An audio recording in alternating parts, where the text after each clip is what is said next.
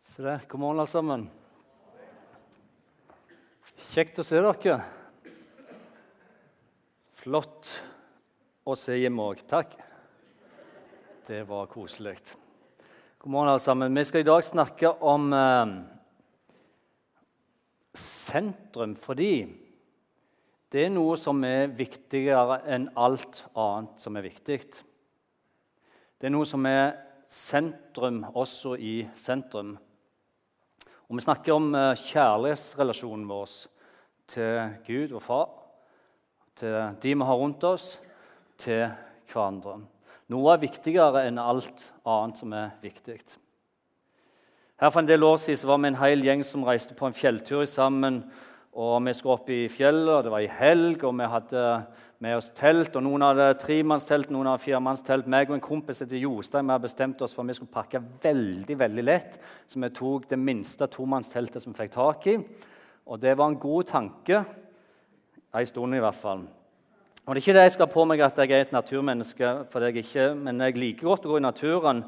Har du noen gang overnatta ute oppe i fjellet under stjernehimmelen?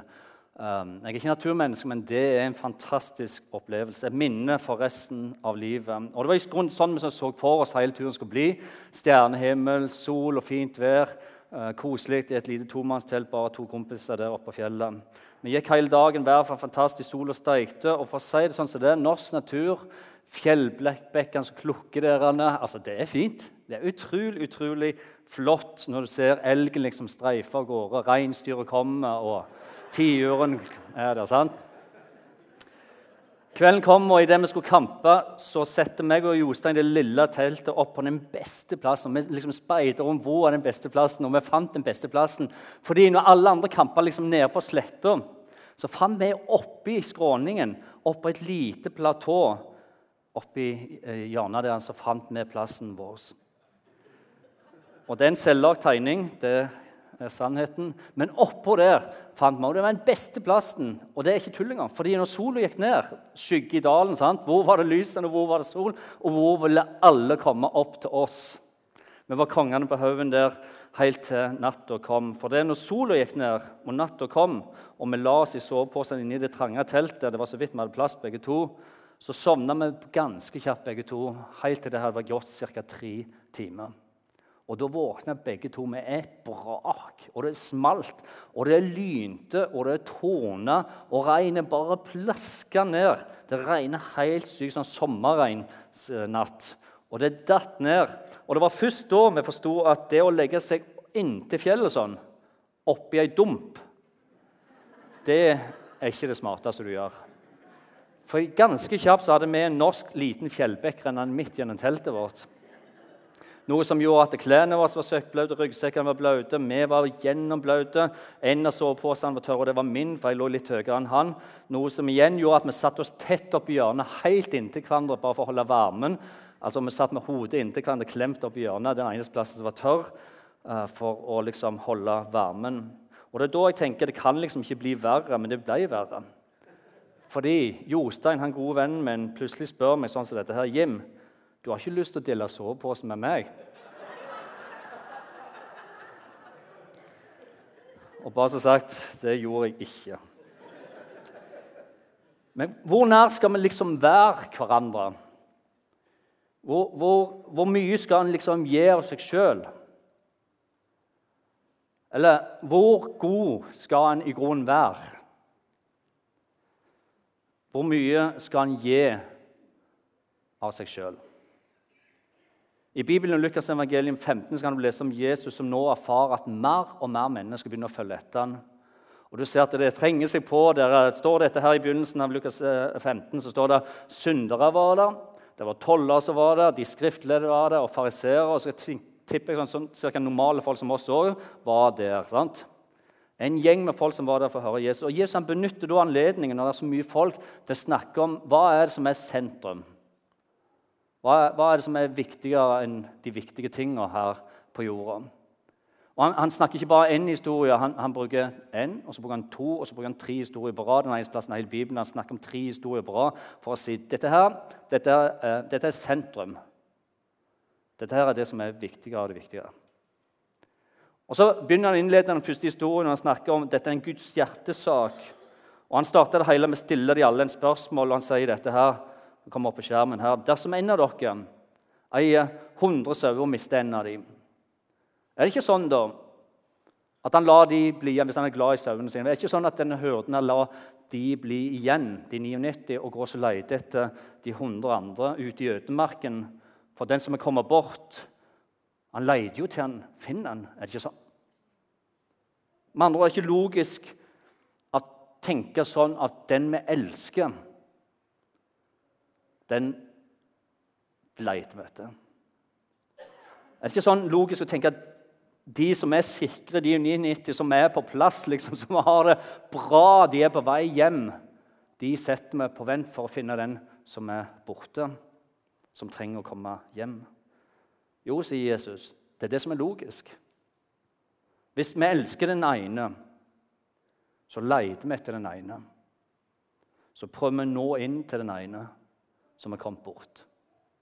Og Så fortsetter Jesus å si det sånn som dette her. Og når han har funnet han da, så blir hyrden, som er et bilde på Gud her, da, da blir han glad. Og Han bøyer seg ned og han løfter opp sauen og han legger den på skulderen. Noe som er et profetisk bilde av det som Jesus selv skulle gjøre når han døde på korset.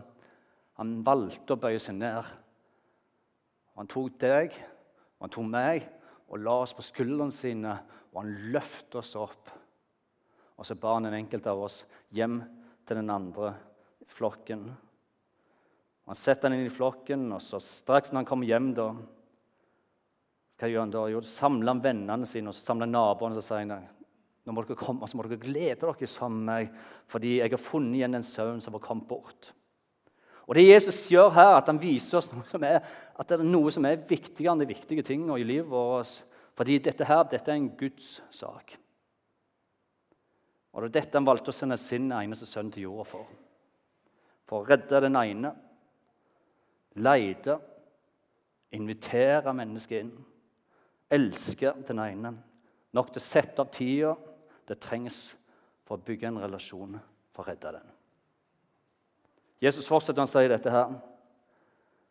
På samme måte så blir det større glede i himmelen over én synder, over den ene som vender om, enn over 99 rettferdige som ikke trenger omvendelse. Og Det er ikke det at de rettferdige, de troen, det er ikke det at Jesus elsker de. Det er ikke det overhodet ikke. De er viktige for Gud. Han elsker hver eneste en av oss, men noe er viktigere enn det andre som er viktig. Men noe er i sentrum her. Den korte tida vi er på jorda i forhold til evigheten som venter. Og det handler om Guds kjærlighet. Er de som ennå ikke er på vei hjem til Han. Som er på vei bort. I 1. Korinterbrev 13 kan vi lese dette her. Om jeg taler med mennesker eller englers tunge, men ikke har kjærlighet, da er jeg jo bare en drønnende malm eller en klingende bjelle. Med andre ord det er lyd, det er snakk. Og selv om jeg kanskje skulle ønske det, så hjelper det ingenting uten at det kommer handling bak lyden. Handling bak ordene. Det Bibelen viser oss i første Mosebok, er at allerede på de første sidene i Bibelen og, og, og, hele grunnen til at Gud valgte å skape mennesker og skape liv, er jo at hele sentrum, hele ønsket til Gud, var en lengta og etterlengta relasjon. Gud ønsket å dele liv med noen, dele kjærligheten sin med andre. En relasjon, en relasjon der kjærligheten var mer til hverandre, var i sentrum. Og Det handler om kjærlighet og det handler om noe som er viktigere enn alt andre i livet.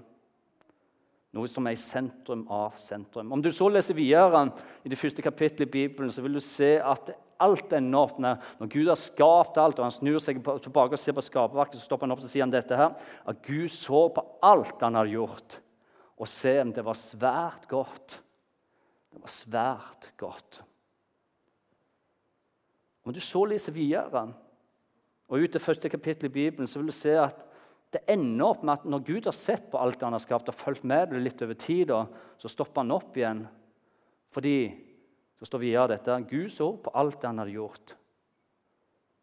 Og se, det var godt. Ja, det var svært godt. Men da sa Herren Gud Det er ikke godt for mennesket å være alene.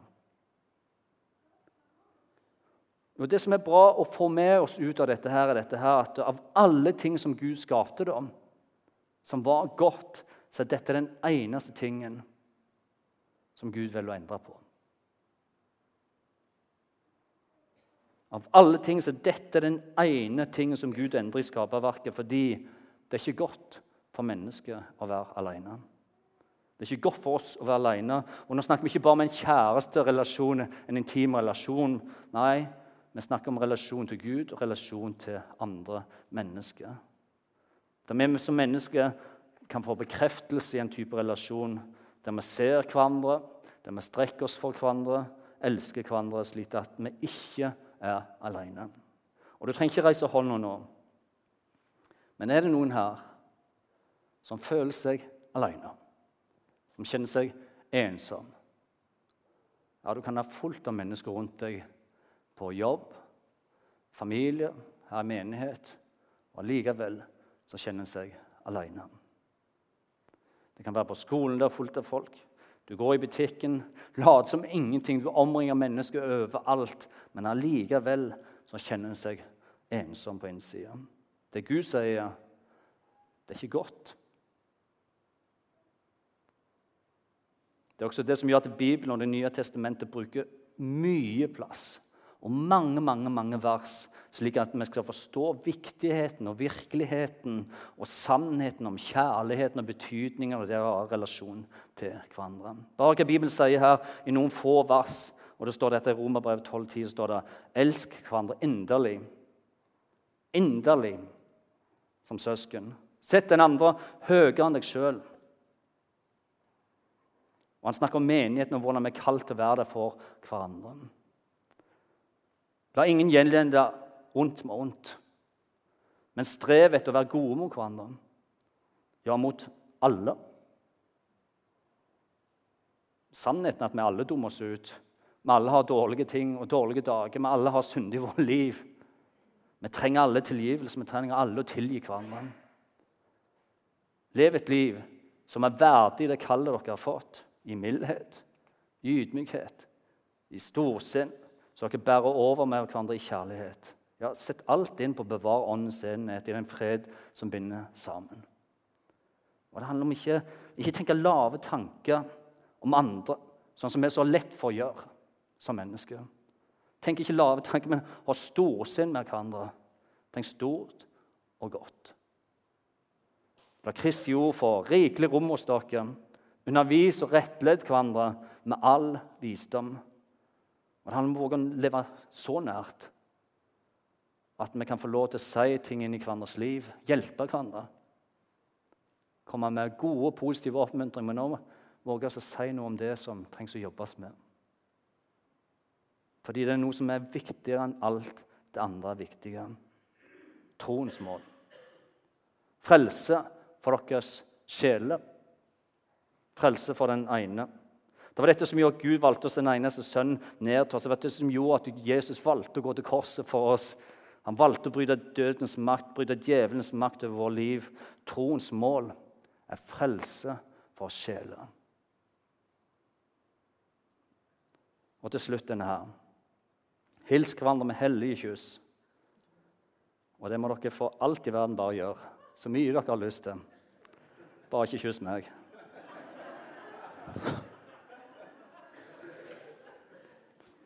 Hellig kyss det er en kulturell og en tradisjonell ting som i dag gjøres mange plasser over flere land og kulturer ennå.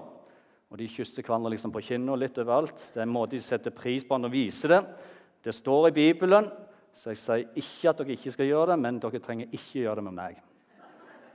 Så go ahead.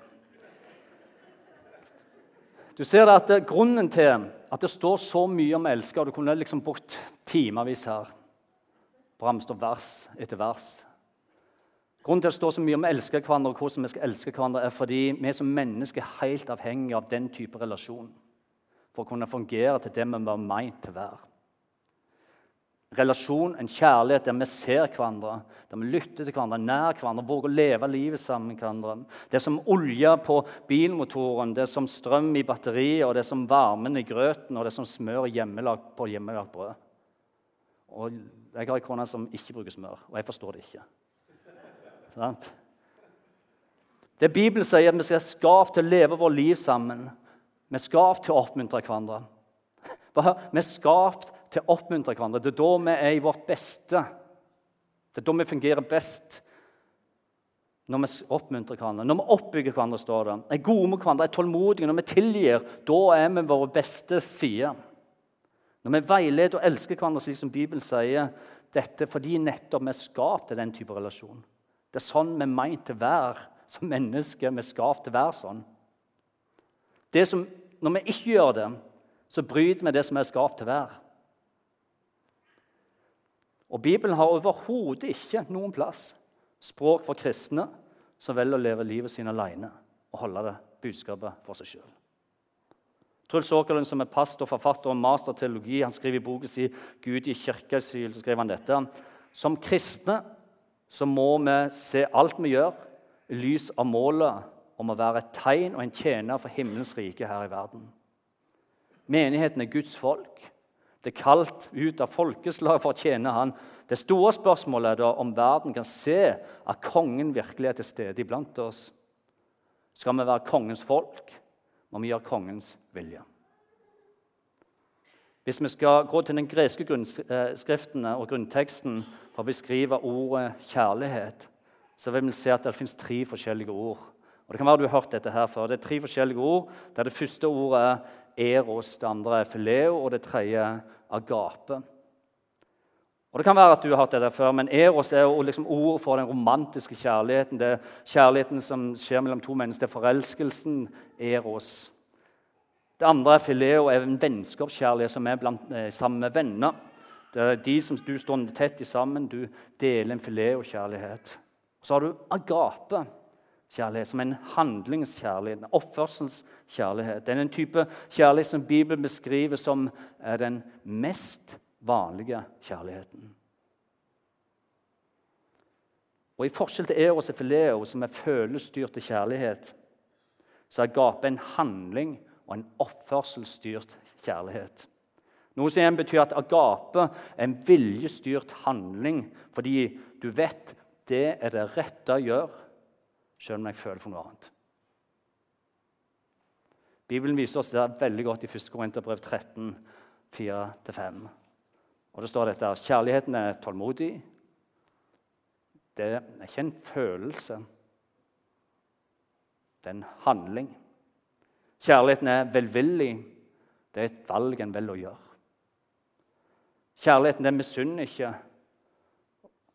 Den skryter ikke, den er ikke håndmodig. Kjærligheten den krenker ikke, søker ikke sitt eget, står det. Det, det alle er de valg som ikke er følelsesbasert, men som velger å handle på. Det er også det som gjør at vi i kjærlighet også har andre menneskers frelse som mål for våre liv. Det er en handlingsstyrt kjærlighet. Apostelen Paulus skriver det slik som dette her. For dere er alle lysets barn. Vi hører ikke natt eller mørke til. Og Så fortsetter Paulus og oppfordrer alle troende til å søke å leve annerledes liv. For Han skriver om å forme sitt eget liv og sin egen kultur, om å våge seg kaste seg inn i Guds arme, i vår hjelpeløshet, for å få det som Gud gir til oss. Magnus Mann, som er forfatter av flere eh, spennende bøker, han skriver det sånn som dette her. Å leve som dagens barn, slik som Paulus nettopp skrev. Å leve som dagens barn betyr at vi så langt som mulig lever som på den dagen da Herren kommer igjen. Allerede nå. Å leve profetisk er å leve foregripende, som et tegn på det som skal komme, også når alt annet omkring oss motsier det. Og Sannheten er at vi lever i en tid, og vi lever i et land i Norge, et land som sekulariseres som aldri før. Og noen velger å lukke øynene for det. De stikker hodet i sanden, og så håper de på at det snart går over. Andre igjen velger å si at alt var så mye bedre før. Kan vi ikke bare få det sånn som vi hadde det før? Slik at nye tanker og strategier, ny stil og utvikling av nye metoder ikke får det rommet som er nødvendig for at de skal få lov til å utvikle seg. La oss bare ha det sånn som det var før. Andre igjen kan kjenne på avmakt og kjenne på lammelse i møte med endringen sekularisering har med seg, kommentarfeltet på Facebook og det som skjer. Og En havner liksom der Det som skjer, det skjer. Det vi ser, og det vi vet, er at vi som lever i dag, lever i en kultur som lovpriser individualismen og enkeltpersonene. For med materialismen så følger også muligheten til å bryte ut av fellesskapstanken. Bryte ut av fellesskapet og realisere seg sjøl og sine egne drømmer. Der vi, altså vi, som fellesskapet er bygd opp med, blir erstatta med jeget i sentrum. Noe som vil føre til at fellesskapet vil falle. Thomas Ogden, som er psykoanalytiker og en forfatter fra California, skriver dette. I den grad menigheten reduseres til en samling individer som shopper Som shopper, slik forbrukere gjør for å dekke sine egne behov. Jeg går litt her, og så går jeg litt der, og så henter jeg litt der, og så tar jeg litt der. Men ikke kom og spør meg om å ta ansvar. La meg få være en shopper. Når vi blir individer som shopper slik forbrukere gjør for å dekke sine egne behov, har vi intet grunnlag for fellesskap i den bibelske betydning av ordet. Og så skriver han vi kan umulig skape en motkultur av så porøst materiale. Og det mener dette her, at vi alle blir påvirket av kulturen og tida vi lever i, om vi vil eller ikke. Skal menigheten og livet, le, livet vi lever sammen som fellesskap, bli noe mer enn aktivitet og noen timer som vi gjør i uka, men bli en relasjonsbasert greie, så må vi alle ta et personlig oppgjør med individualismen i våre egne liv. Fordi agapekjærlighet var det Det er en viljesbeslutning som kommer fra vårt eget indre liv når vi sjøl er grepen av hans kjærlighet.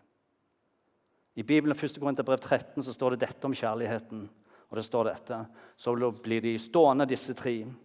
Det er tro, det er håp og kjærlighet. Men størst av dem er kjærligheten. Størst blant dem er kjærligheten. Og Så står det om tre ting. Det står om tronen nummer én, og det står om håpet nummer to. Men så står det noe at kjærligheten er størst. Liksom. Ja, men Hva med troen og hva med håpet, da? Men hvorfor står det at det største er kjærligheten? Jo, det gjør det fordi trona og håpet handler om Vi alle har en tro som er gitt oss til en gave. Vi alle kan få et håp som er gitt for en gave, men det er bare så lenge vi er her på jorda. Troen og håp er gitt for å bevare kjærligheten.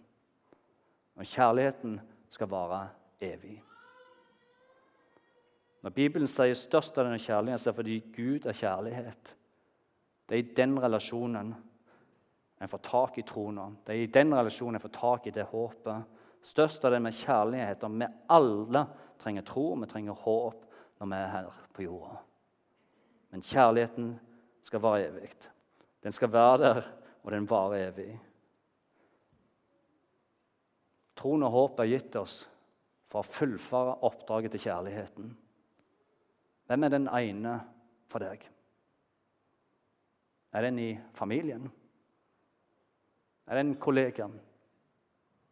Er det en du har vært venn med i mange, mange år? Hvem er den ene? Vår misjon i menigheten her er å nå mennesker for Jesus og tjene andre med glede. Og Kanskje handler det for deg og meg om å våge å invitere nettopp en kollega. Eller en bror eller en søster. Våge å sette litt tid til en venn komme litt nærmere. Trenger ikke sitte i tomannstelt med hodet inntil hverandre. Det er ikke det jeg ber om. Men våge å bli litt dypere i samtaler enn at det bare handler om fotball og Liverpool. Eller United. Kanskje for noen av oss handler den ene om denne som Gud legger ned, som Gud har banka på hjertet ditt. Ta den telefonen. Våg å gå inn og begynne. Lag de bollene. Den som står i en ekteskapskrise. De som har et barn som sliter big time. eller den som er syk. Hvordan kan jeg være noe for den ene? Når Bibelen sier 'elsk hverandre', 'ha storsinn med hverandre', 'bær over med hverandre', 'oppbygg hverandre', 'vær gode med hverandre', 'vær tålmodige med hverandre' og 'rettled hverandre', så gjør Bibelen det fordi det er en del av vår tilbedelse og hengivenhet til Gud. Vår vertikale kjærlighet til Han måles i vår horisontale kjærlighet til hverandre. Det er dette som er mer enn en sang, det er dette som er mer enn en bønn, mer enn løfte hender, mer enn å gå til nattvær. Det er dette som viser hvem vi er, og hvor vi hører hjemme. Når Jesus i Lukas 15 samler tollerne, fariseerne, synderne i skriftlige som vi hørte om i dag, og vanlige folk som ikke er så ulike som meg og deg, så velger Jesus å fortelle dem ikke bare én historie, han forteller to og han forteller tre bare for å vise hva Gud tenker om den ene som kom bort. Hvor viktig dette er for han. Noe er viktigere enn alt annet som er viktig. Noe er i sentrum i sentrum. Det hyrden gjør, er bildet på Gud i det han velger sjøl å lide og dø på korset. Og alt det velger han fordi det fins den ene. En som trenger noen som velger å sette av tida til å invitere. Som leter, som søker, og som finner den. Sann kjærlighet har dette i seg. En bøyer seg ned. En tar tida det trengs, og en velger å være der for et annet menneske. Om du noen gang til slutt skulle tvile på om Gud elsker deg, så må du løfte øynene litt, og så må du se hvem han er Gud skaper av alt liv, og hva han valgte å gjøre. Bøye seg ned under oss, korsfeste seg sjøl på et kors. Gud er kjærlighet. Og vår kall er å leve det som han begynte å starte for oss. Bli mer lik han.